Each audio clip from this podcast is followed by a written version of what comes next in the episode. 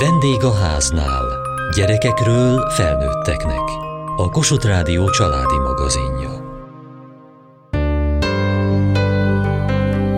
Úszóedzés, külön angol, fejlesztés, még a nyári szünetben is. Szülőként igyekszünk lefedni a gyerekek minden percét. A kutatások viszont azt mutatják, hogy a kevesebb inger néha többet ér, vagyis nem baj, ha néha unatkozik a gyerek. De hogyan tegyük egyszerűbbé a gyerekeink és a magunk életét?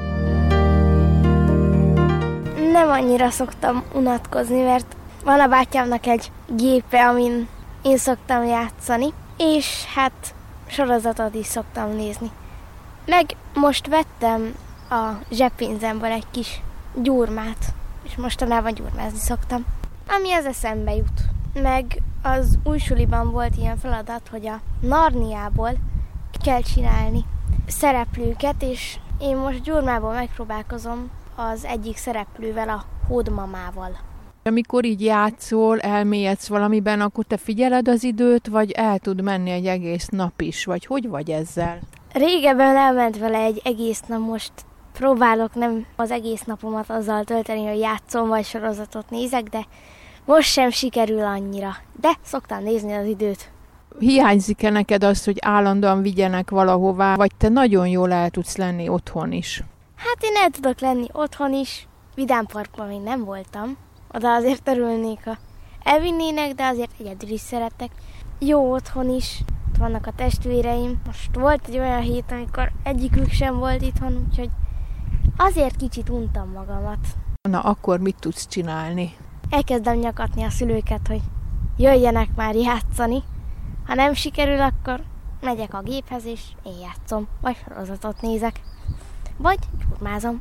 Sokat beszélünk arról, hogy a gyerekeket fejleszteni kell egészen picikoruktól kezdve, hogy minél jobban ki tudják bontakoztatni a képességeiket. Hogyan lehet megtalálni az egyensúlyt, és valóban szüksége van erre a gyerekeknek? Kovácsné Kelemen Anikó pszichológus. Azt látom, hogy nagyon nehéz ebben egyensúlyt találni, a, a felnőttek jó része ebben elveti a súlykot, tehát hogy inkább arra felé billen most a, a világ, meg a fejlesztés, a gyermeknevelés, hogy minél több inger érje a gyereket. Ez nyilván egy reakció az inger szegénység ellen, mert az se jó, ha a gyerek úgy nő föl, hogy csak nézi, hogy hogy nő a fű, de a mai világban ez nagyon eltolódott a túlingerlés felé. A gyerekkor, akkor tud jó lenni, hogyha nagy, nagyjából egyensúlyban vannak a, a figyelemfelkeltő, az érdeklődést fokozó ingerek, és ezzel együtt a gyerek tud egyedül lenni, vagy tud magában lenni, vagy csendben, csendes elfoglaltságokat végezni. Nagyon fontos például a kreativitásnak, a fantázia fejlődésének az, hogy a gyerek most ez csúnyán hangzik, de hogy tudjon unalmában vagy unatkozás közben feltalálni magát, hogy ne, ne vegye körbe felnőttek meg szórakoztató eszközök garmadája, hogy szegény gyerek nehogy unatkozzon, de legyen ideje unatkozni annak a gyereknek. Az a gyerek, aki non-stop foglalkoztatva van, az nem talál rá a saját belső hangjára, saját fantáziáira, ötleteire. Eddig miket csináltál ebből a gyurmából? Eddig a nővéremnek csináltam egy kulcstartót, meg a bátyámnak egy kis pici szobrot. Más nagyon még nem készítettem. És a gyurma az olyan, hogy meg kell sütni, és nem szárad levegőn. Van csillámos, nem csillámos, fekete-fehér, meg színek. És ezt hogyan találtad ki? Ki mondta neked, hogy létezik ilyen gyurma? Az anyukámnak volt ilyen régebbi fajta gyurmája, hát onnan tudtam, hogy van ilyen. Viszont azok már levegőre száradósak voltak.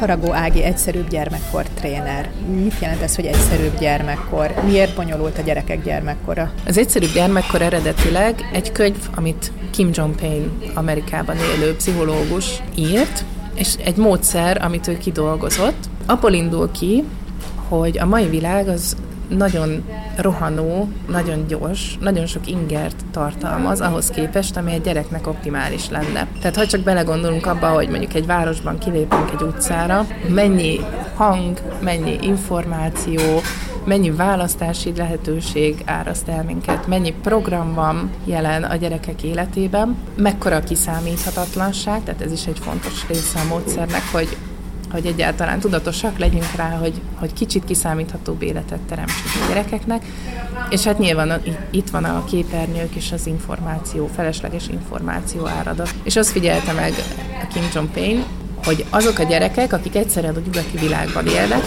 nagyon gyakran egészen hasonló tüneteket mutatnak a traumatizált gyerekekkel, tehát a posztraumás stressz szindrómában szenvedő gyerekekkel, miközben semmi nem történt, ami őket traumatizálná. És arra jutott, hogy egyszerűen ez a sok apró stressz, felesleges stressz, ami eléri a gyerekeket a mai világunkban, ez nagyon hasonló hatást tud elérni a gyerekeknél. Tehát nyugtalanok lesznek, túlzottan irányításra törekvőek lesznek, bizalmatlanok, félnek az új dolgoktól, ez nagyon sokszor a túlterheltségnek a jele milyen megoldásokat kínál ez a módszer? A könyv öt területen ajánl nekünk segítséget, ezek közül négy egyszerűsítésről szól, az ötödik pedig a lelkiláznak a kezeléséről, ami gyakorlatilag ez a túlterhelt állapot, és abban segíti a szülőt, hogy amikor a gyermekünk ilyen kibillent állapotában van, akkor hogyan tudunk hozzáfordulni, és hogyan tudunk türelmesek maradni vele. A másik négy terület pedig a fizikai környezet, a ritmus, ami a kiszámíthatóság növelésére törekszik. A felnőtt világ kiszűrés az az utolsó, az a hatodik fejezet, és az időrend, tehát az, hogy mennyi ideje van a gyereknek játszani, és mennyire sok a program. Szerintem ez egy nagyon fontos dolog, hogy ez a módszer nem azt mondja, hogy tegyél meg mindent, ami ebben a könyvben le van írva, és akkor leszel jó szülő, hanem ötleteket ad nekünk arra, hogy hogyan foghatunk meg valamit az életünkből, ami lehet, hogy egy kicsit most sok, és hogyan tehetünk apró lépéseket abba az irányba, hogy egyszerűbb legyen az életünk. Tehát a fizikai környezet területén elsősorban a játékok számát csökkentjük, de érdemes lehet odafigyelni a hangokra, illatokra, amik elérik a gyerekeket. A ritmus területén rituálékkal és egyéb módon növeljük a kiszámíthatóságot, mert ez nagyon nagy biztonságot ad a gyerekeknek. Ugye az időrend területén minél több lehetőséget biztosítunk a, a szabad játékra, és megvizsgáljuk azt, hogy, hogy minden program valóban szükséges és hasznos-e, vagy esetleg lehet egy kicsit tehermentesíteni a gyereket ezek, ezeken a területeken, és próbáljuk a képernyő használatot csökkenteni, illetve 7 éves kor alatt lehetőleg kiiktatni, és a gyerekeket elérő felesleges információ áradatot is egy kicsit megszűrni. Otthon voltak ilyen dobozok is, még vannak is, és abból csináltam egyszer várat, meg anyukám segítségével csináltam egy hegyet, aminek volt egy barlangja. A vár falát csináltuk meg, mert a kaput nem sikerült, mert nem volt olyan erő, ami lehúzná, ezért nem tudtuk leengedni vagy fölhúzni, és a vár fala a dobozokból volt kirakva, megpróbáltam lefesteni, de mindig lekopott. Azért elégedett voltam vele. A hegyet sikerült befesteni szürkére, és néhány aránytalanul nagy házat is oda tenni, de igazából az is jó lett, csak az volt a baj, hogy kifogyott a fekete és fehér festék. Hát ez egy kicsit kisebb hegy volt, papírból volt megcsinálva, és WC papír gurikából pedig a, az alagutat megcsináltam, és a WC papír gurigán átment egy kis festett út. Megcsináltam hozzá az úthoz kis pici útjelző táblákat. Most, hogy nyári szünet van, összevonják a csoportokat, együtt vannak a gyerekek, ugyanannyi gyerek van, vagy a szülők igyekeznek azért megoldani, hogy egy kicsit lehessenek a gyerekeikkel? Az a tapasztalatom, hogy igen. Ott van a vágy minden szülőbe, hogy megoldja azt, hogy a gyerekével lehessen.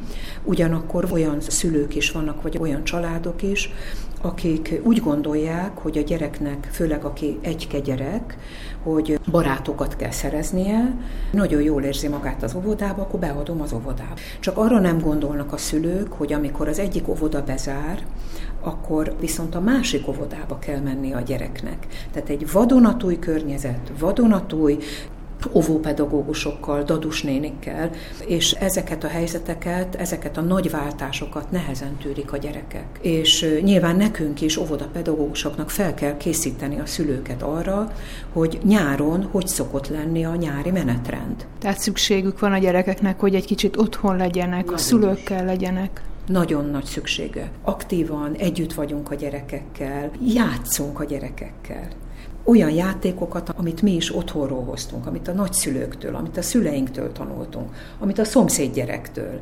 Mi erre most azt mondanánk, hogy ezek fejlesztő játékok, mert ugye nagyon okosan meg tudjuk fogalmazni, hogy ez a fajta mozgás, ez a fajta kreativitás mit fejleszt a gyereknél. Ne féljünk játszani a gyerekkel, együtt lenni vele, kirándulni vele, élményeket szerezni együtt. Hihetetlen fontos. Tehát ezt nem lehet kihagyni a szabad játék mindennek az alapja. Tehát a gyereket nem engedjük játszani, hanem állandóan kirángatjuk valami feladattal a játékból, az tulajdonképpen olyan, mint amikor állandóan zaklatjuk a gyereket, és nem engedjük elmélyedni.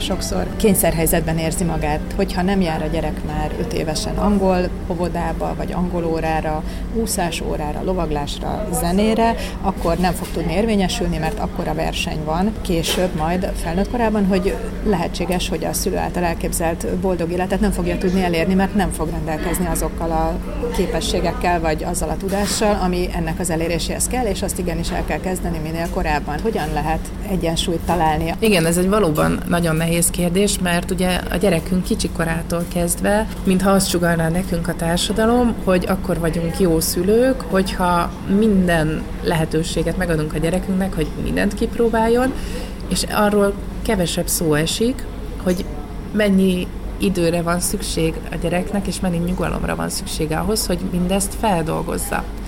Tehát a szabad játék az, amikor a gyerek feldolgozza azt, ami történt vele. Ez biztos, hogy már láttuk mindannyian, hogyha mondjuk orvoshoz visszük a gyereket, akkor utána otthon lejátsza a babáival. Ha nem is ugyanazt a jelenetet, de az biztos, hogy egy darabig orvosos játék megy, és amikor nincsen elég lehetősége a játékra, akkor ezek az, az élmények egy kicsit így, így beragadnak és feszültséget okozhatnak.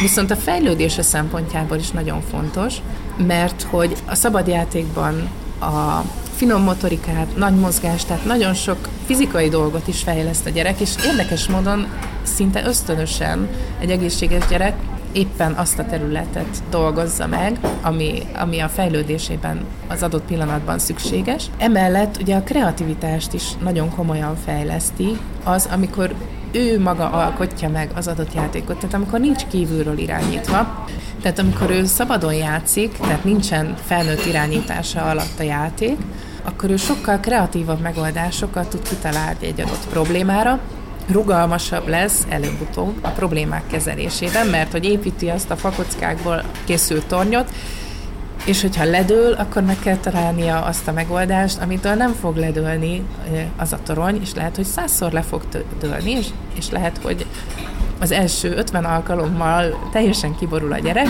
de aztán megszokja, hogy ez a, ez a világ rendje, és megtanul megküzdeni ezzel a, ezzel a helyzettel. És hogyha egy kicsit bele gondolunk abba, hogy a felnőtt életünkben való boldogsághoz mi kell, a lexikális tudáson kívül, ami sok esetben már sokkal kevésbé fontos, néhány szakmában nyilván nagyon-nagyon fontos a lexikális tudás, de sok esetben elérhető az információ nagyon könnyen.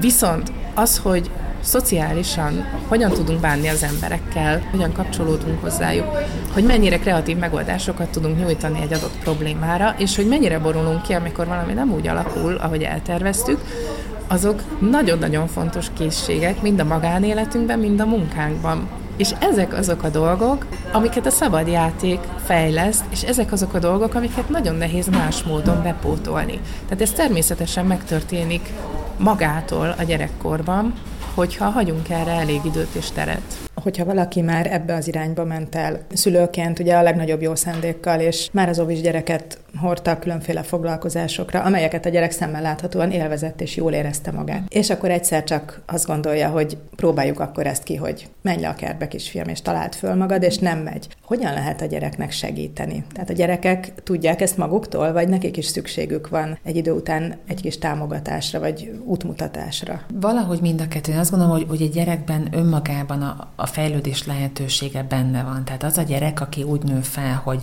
hogy van elég kapcsolódási lehetősége, van az anyukája, apukája, testvére, aki játszik vele, ő képes lesz magát is lefoglalni egy idő után. Nyilván egy pici baba erre nem képes, ő, ő neki kell a folyamatos kapcsolódás, de már egy pár hetes vagy egy-két hónapos kisbaba is elmélázik, elnézi az árnyakat a falon, vagy a forgót a, a bölcsője fölött, vagy, vagy lefoglalja magát a saját kezecskével, ujjaival. Tehát ugye megtanul elmélyülni egy tevékenységben, először pár percig, aztán 5-10 percig, és ez, ez folyamatosan fejlődik, illetve hosszabb tud lenni ez az időszak, amiben ő saját magát képes lefoglalni. Az a gyerkőc, aki úgy nőtt föl, hogy nem volt igazán hagyva neki, hogy lefoglalja magát, ott már nehezebb dolga van a szülőnek, hogy ezt visszafordítsa, mert a gyerek joggal sérelmező, hogy most miért hagytok unatkozni? Hát hova megyünk ma? Nem megyünk sehova? Micsoda, nem társasoztok velem? Mit csináljak én a szobámban? Mit csináljak én a kertben? Nézzem, hogy hogy mászik a katica?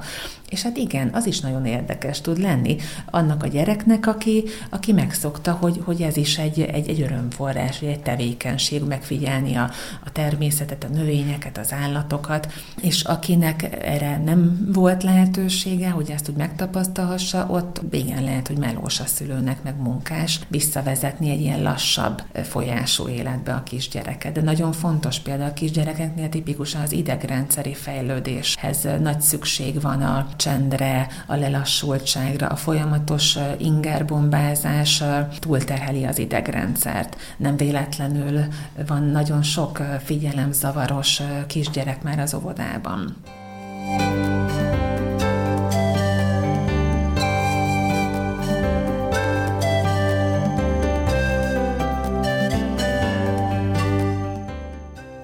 Volt-e olyan neked, hogy valahova mennetek kellett, és te szívesebben maradtál volna otthon? Hú, nagyon sokszor volt ilyen. Úgy érzem, hogy én nem akarok kimenni, de sajnos muszáj kimennem, mert kell az egészségemnek. Kell a napfény, a D-vitamin, hogy erősebb legyek. Lehet, hogy nekem is ki kéne mennem első szóra, de szeretek makacs lenni milyen problémákat okoz, és milyen tünetekből lehet észrevenni, hogy a gyerek idegrendszere túlterhelt. Kovácsné Kelemen Anikó pszichológus. Például a figyelemzavarból, ami annyit tesz, hogy nem képes fókuszálni, vagy elmélyülten figyelni valamire a kisgyerek az életkori sajátosságoknak, vagy korosztálynak megfelelően. Tehát például egy óvodába menő három-négy éves kisgyerek, mert azért képes kellene, hogy legyen elmélyült játékra, lehet, hogy 5-10 percig, vagy 15 percig, de hogy le kellene, hogy kösse a rakosgatás, a az építés, vagy a rajzolás, tehát valamilyen tevékenység. Azok a gyerekek, akiknek túl van terhelve az idegrendszerük, ők, ők nem képesek lekötni magukat, még akár 5-10 perces tevékenységekkel sem, hanem folyamatos ilyen ingerkeresésben vannak. Tehát egy, ha egy óvodai csoportban bevegy valaki, akkor szembetűnő az, hogy van, vannak gyerekek, akik tudnak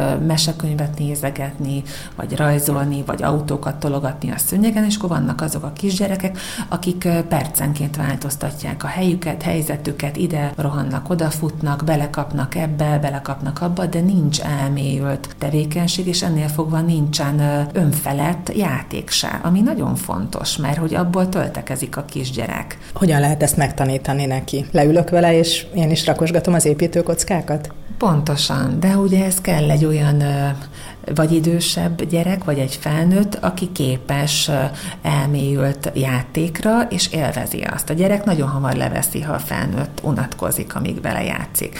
De ha azt látja a felnőtt arcán, hogy, hogy élvezi a játékot, kommentálja, beszélget közben a kisgyerekkel, akkor ez a kisgyereknek is öröm lesz. És igen, tényleg így működik, hogy a felnőttel játszva tud a gyerek is megtanulni játszani, az együttes tevékenység élvezetessé válik számára, és utána megismétli a játékban látott, tapasztalt fordulatokat, utána lehet, hogy másnap lejátsza magában ugyanazt a cselekvéssort. Igen, ezzel fejleszthető a gyermek figyelme, a játékkedve, a kitartása, hogyha a felnőtt játszik vele rendszeresen. És hogyan tanítható meg a szülőnek, hogy ő ne unatkozzon, és ne csak fejlesztő céllal rakosgassa azt a kockát a gyerekével? A válaszom erre az, hogy amikor a szülő kisgyerek volt, akkor jó esetben megtapasztalta, hogy vele is játszottak. Ha nem, akkor nagyon nehéz neki visszamenni gyerekbe, hiszen nincs egy élménye, amihez visszanyúl. Ez az egyik, ami nehezíti azt, hogy a szülők tényleg önfeledten tudjanak játszani a gyerekkel.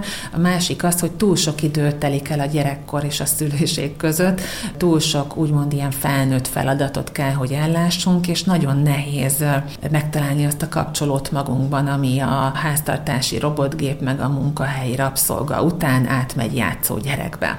Sok felnőtt például szülőkonzultáció vagy családterápián kiderül, hogy ők szívesen játszanak társas és szabályjátékot. De mondjuk az egész kicsi gyerek, 3-4-5 éves gyerek, sokkal inkább tologatná az autót, vagy játszana a plüssökkel, és ez a szabad játék, a struktúra nélküli, szabályok nélküli szabad játék az, ami igazán nehéz szokott lenni a szülőknek, mert ott tényleg spontánnak, kreatívnak kell lenni, kitalálni egyik pillanatról a másikról, hogy mit mondjon az a plüss a másiknak, hogy hova induljon a kis vonat, hogy hol boruljanak ki a, nem tudom, hajócskából az állatok. Ez, ez szükség van erre a úgy úgymond erre a gyermeki énünkre, ami sokszor nagyon mélyen van bennünk, és nehezen hívható elő felnőttként. Faragó Ági egyszerűbb gyermekkor tréner. Hogyan próbálja átadni ezt a tudást? Hogyan próbálja meggyőzni őket arról, hogy ez így helyes? Nagyon sokszor nem kell azokat meggyőzni, akik, akik hozzám fordulnak,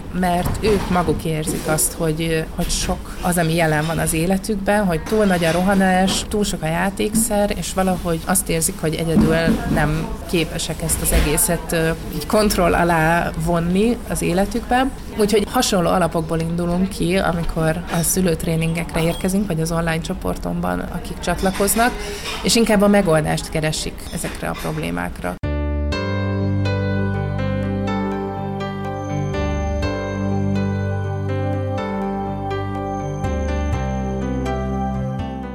Mai adásunkban arról beszélgettünk, hogy ingerekkel túlterhelt világunkban hogyan valósítható meg egy egyszerűbb gyermekkor. Kövessék műsorunkat podcaston, vagy keressék adásainkat a mediaclick.hu internetes oldalon. Várjuk leveleiket a vendégháznál kukac mtva.hu e-mail címen. Műsorunk témáiról a Kossuth Rádió Facebook oldalán is olvashatnak. Elhangzott a vendégháznál. A riporter Kataluccio Andrea, Hegyesi Gabriella, a gyártásvezető Mali Andrea, szerkesztette a felelős szerkesztő Hegyesi Gabriella.